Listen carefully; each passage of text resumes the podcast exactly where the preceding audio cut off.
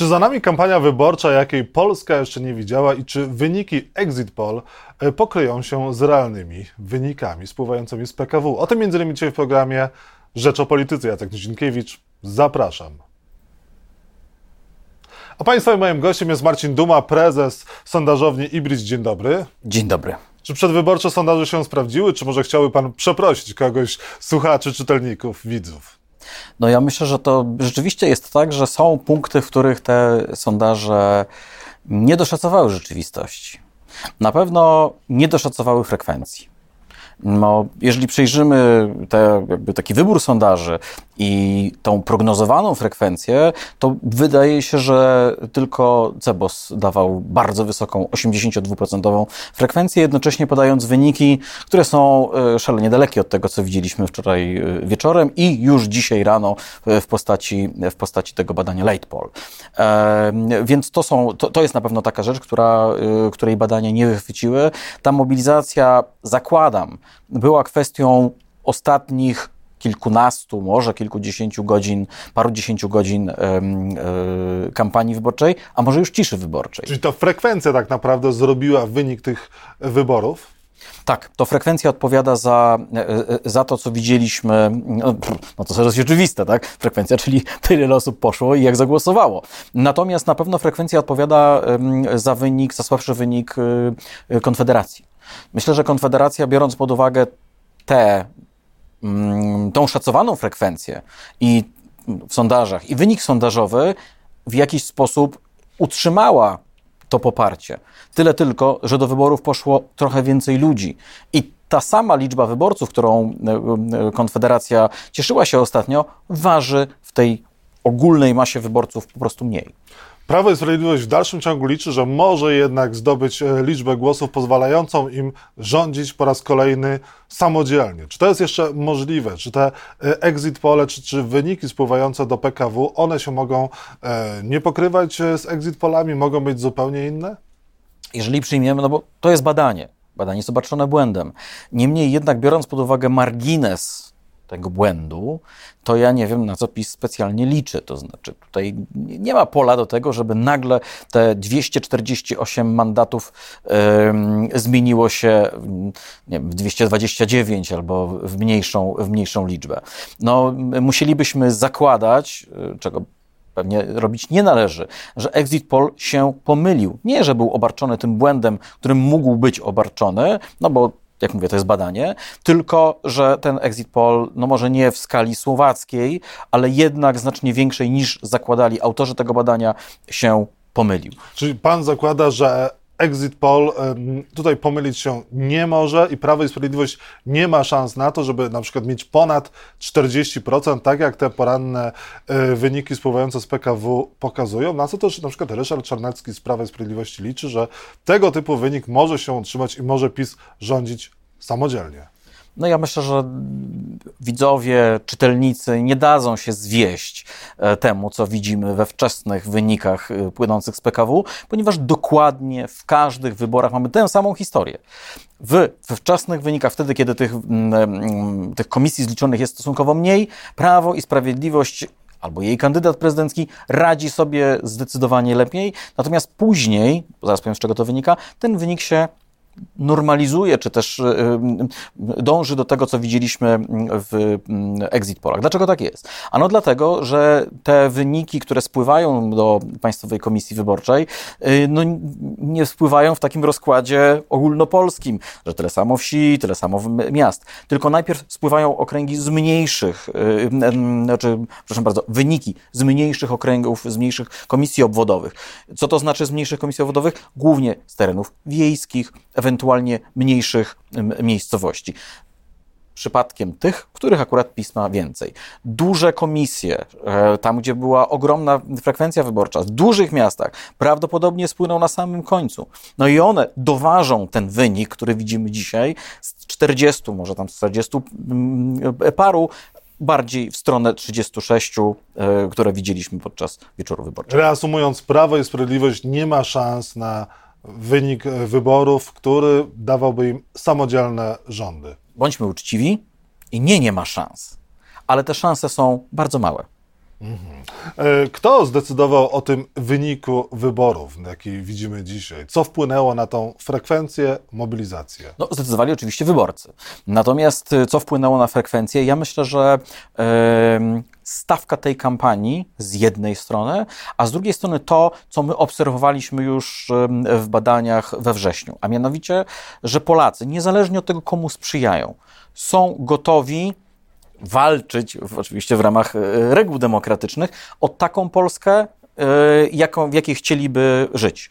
I jedna i druga strona, czyli i opozycja, i e, zwolennicy, i zwolennicy opozycji, i zwolennicy rządu, byli szalenie zmotywowani, jedni do tego, żeby Polskę zmienić, a, drugi, a drudzy do tego, żeby ona jednak pozostała.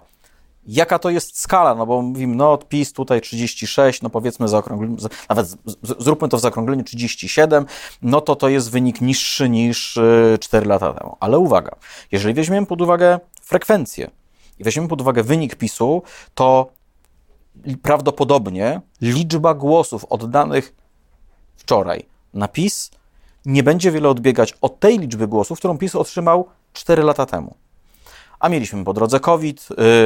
W tych grupach e, e, wiekowych, gdzie PiS cieszył się większym poparciem, no, mieliśmy nadwymiarowe zgony. E, co więcej, w badaniach wychodziło, że PiS utracił mniej więcej 2 miliony wyborców.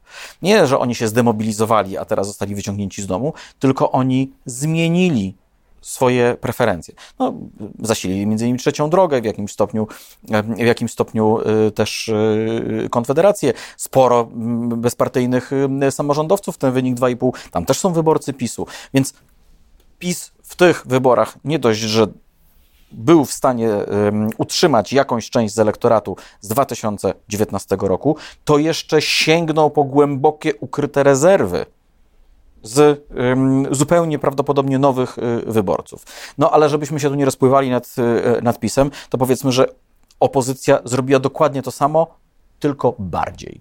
No właśnie, jeżeli chodzi o fakty i mity, mówiło się, że kobiety nie chodzą na wybory albo w mniejszości chodzą na wybory. Okazało się, że kobiety poszły do urn częściej, bo tych kobiet y, przy urnach więcej niż mężczyzn i one w większości zagłosowały jednak na Prawo i Sprawiedliwość. Tak. Yy, pamiętajmy o tym, że to jest jednak pewna taka opowieść o tym, a bo te kobiety nie chodzą, mężczyźni decydują. No, to tak było, czy to był jednak. Nie, no nie było tak. Jeżeli weźmiemy pod uwagę, czy 2019 rok i wybory parlamentarne, czy yy, 2020 rok i wybory prezydenckie, to odsetek kobiet w obydwu tych wybo cyklach wyborczych, tych głosowaniach był całkiem spory. Ba, w wyborach prezydenckich kobiety poszły liczniej do lokali no wyborczych. Po co ta cała akcja do kobiet głosujcie i idźcie na wybory? Założenie było takie, że kobiety na skutek polityki Prawa i Sprawiedliwości nie będą głosować na Prawo i Sprawiedliwość, tylko będą głosować na yy, opozycję.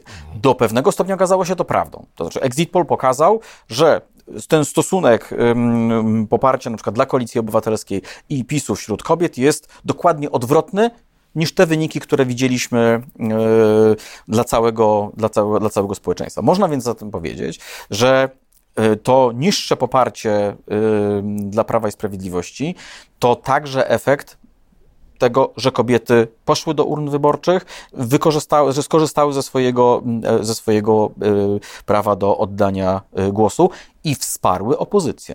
No właśnie, wsparły opozycję i co teraz? W takim razie, czy te wyniki, jeżeli się utrzymają, to myśli pan, że prezydent nie będzie miał wyjścia i będzie musiał powierzyć misję stworzenia rządu liderowi opozycji, czyli Donaldowi e, Tuskowi, będzie musiał, e, cytując klasyczkę, zacisnąć zęby, zamknąć oczy, no i oddać Tuskowi władzę? Znaczy, w zasadzie w polskim systemie politycznym prezydent w tej sprawie nic nie musi, ale wszystko może. No tak. To znaczy, że równie dobrze może wskazać jakiegoś e, kandydata zupełnie spoza parlamentu, e, być może osobę, która w ogóle nie jest kojarzona z żadną częścią sceny e, politycznej. To jest jego wyłączny wybór. Jest, nie jest związany żadnymi przepisami, aczkolwiek zwyczaj jest taki, że powierzy tę misję osobie będącej przedstawicielem największego ugrupowania, albo względem wyniku wyborczego, albo pod względem liczby posłów, co niestety nakierowuje nas na to, że będzie to przedstawiciel Prawa i Sprawiedliwości. Mimo wszystko, mimo wszystko prezydent powierzy rządy, najpierw misję stworzenia rządu przedstawicielowi. Nie badaliśmy prezydenta, nie badaliśmy prezydenta, nie wiemy, co on myśli w tej sprawie. E, Prezydent też nie ma nic do stracenia. Niejednokrotnie było badane e, zaufanie do prezydenta. E, cieszy się bardzo wysokim zaufaniem. Będzie chciał ryzykować i tą dobrą pamięć o sobie, jeżeli chodzi o historię chociażby tutaj zostawić? No ale do wyborów jeszcze jest półtora roku. To podejrzewam, że zdąży się to zatrzeć, nawet jeżeli taką decyzję by, yy, by podjął. Natomiast na pewno taka decyzja no, nie pomoże w takim e, płynnym przejściu e, z jednej ekipy rządzącej do drugiej, no bo to wydłuży ten proces przekazania, y, przekazania władzy. No pamiętajmy, co mówi Konstytucja. Prezydent ma 30 dni na to, żeby zwołać pierwsze posiedzenie parlamentu, potem ma 14 dni na to, żeby w ogóle wskazać y, kandydata, który następnie ma 14 dni na to, żeby uzyskać wotum y, zaufania. No i teraz jest pytanie do PiSu, czy oni zechcą zmierzyć się z sytuacją, która wynika wprost z badań Exit Poll i, i tej prognozy mandatowej, że nie będzie takiej większości, która pozwoli przez to uzyskać wymaganą liczbę głosów w tym, mm, e, w tym, w tym, w tym głosowaniu, a zatem no, będzie to forma pewnego upokorzenia, tak? będzie przypieczętowanie. Nie mamy większości w tym Sejmie, pomimo tego, że wszyscy już wcześniej wiedzieli, że jej nie ma. Pytanie, co może być bardziej ryzykowne dla Prawa i Sprawiedliwości, jednak e, próba przejęcia rządów chociażby na E, miesiąc, czy może oddanie tej władzy, bo przed nami też wybory samorządowe, seria wyborów europejskie i wybory prezydenckie. Jak to wpłynie na, jak poszczególne ruchy wpłyną na wizerunek Prawa i Sprawiedliwości, które ma jeszcze dużo do stracenia. E, Prawo i Sprawiedliwość na pewno w tej kampanii zbudowało sobie swój taki elektorat wychodzący poza no, po, poza to, co dotychczas wiedzieliśmy o, e, o, tej, o, tym, o tym grupowaniu. Poszli zagłosować na to ugrupowanie ludzie, którzy być może nigdy na nie nie głosowali, albo nigdy nie głosowali, albo głosowali bardzo dawno temu. Więc yy, ten kapitał jest, ten kapitał będzie utrzymany. Jeżeli, no bo w polityce trochę jest tak, że nie wszystko jest oparte na faktach, a bardzo wiele oparte jest na tym, jak fakty zostaną opowiedziane. Więc czy będziemy mieli do czynienia z prawem i sprawiedliwością, które chce chronić za wszelką cenę Polskę przed tą opozycją, żeby ona no, jak najpóźniej doszła do tej, y, do tej władzy? No bo powiedzmy sobie szczerze, stawką tego pierwszego kroku, gdzie prezydent wskazuje kandydata y, Prawa i Sprawiedliwości, jest wydłużenie czasu, w którym opozycja nie rządzi. I to wcale nie takie znowu krótkie, bo to prezydent naprawdę ma możliwość wydłużenia tego prawie aż do dwóch miesięcy. No właśnie. Prawo i Sprawiedliwość się nie rozpadnie, mimo tego, że może nie rządzić. A z tym rozpadaniem się to nie jest wszystko takie proste. No bo polska scena jest zorganizowana trochę inaczej, czy też polski system partyjny zorganizowany jest trochę inaczej niż w innych krajach, bo tam to partie polityczne są instytucjami, które generują swoich liderów. A tu mamy dwóch liderów, którzy mają swoje biura wykonawcze. E, kiedy jeden z liderów, e, Donald Tusk, odszedł, widzieliśmy w jakich kłopotach była Platforma y, Obywatelska z finałem po wyborach prezydenckich, gdzie zbliżała się do, do, do wyniku y, jednocyfrowego, a tym, tym drugim obok PiSu zaczynał być Szymon Hołownia i jego, y, i jego ruch. Więc jest pytanie, na ile jeszcze, czy jak długo ci liderzy będą mieli siłę, na ile będą mieli chęć, być aktywnymi uczestnikami tutaj polityki y, w Polsce, bo bez nich ten podział nie będzie się produkował. To znaczy, być może trzeba będzie tą scenę polityczną przeorganizować y, na nowo, bo Donald Tusk ma już to doświadczenie, sukcesja nie działa. I na koniec, jak bardzo podzielone jest polskie społeczeństwo, wygrało Prawo i Sprawiedliwość, no ale większość głosowała jednak na opozycję. Co jest ciekawe, to jednak mimo wszystko pewna depolaryzacja. Bo jeżeli weźmiemy sobie pod uwagę, ile miało Prawo i Sprawiedliwość, yy, jaki miał udział w rynku wyborczym Prawo i Sprawiedliwość i Koalicja Obywatelska w 2019 roku, to było ponad 70%. Dzisiaj, jeżeli utrzymają się wyniki yy, badania Exit Poll, to będzie poniżej 70%. Czy jesteśmy podzieleni, czy to się nie sklei? Ja myślę, że politykom wcale nie zależy do końca na tym, żeby, tego, żeby to sklejać, bo... Yy, divide et imperia i łatwo się w ten sposób zarządza i społeczeństwem, i jego emocjami, a e, teraz mimo wszystko opozycja wchodzi w trudny moment e, przejęcia władzy, bardzo rozbudowanych oczekiwań. No i fajnie by było mieć kogoś, na kogo można zrzucić to, że tego się nie da, bo wiecie. Marcin Duma, prezes sondażowni Ibris, był Państwa i moim gościem. E, bardzo dziękuję za rozmowę. No i przed nami ciekawy czas. Niestety. Wszystkiego dobrego, dziękuję za rozmowę. Dziękuję bardzo.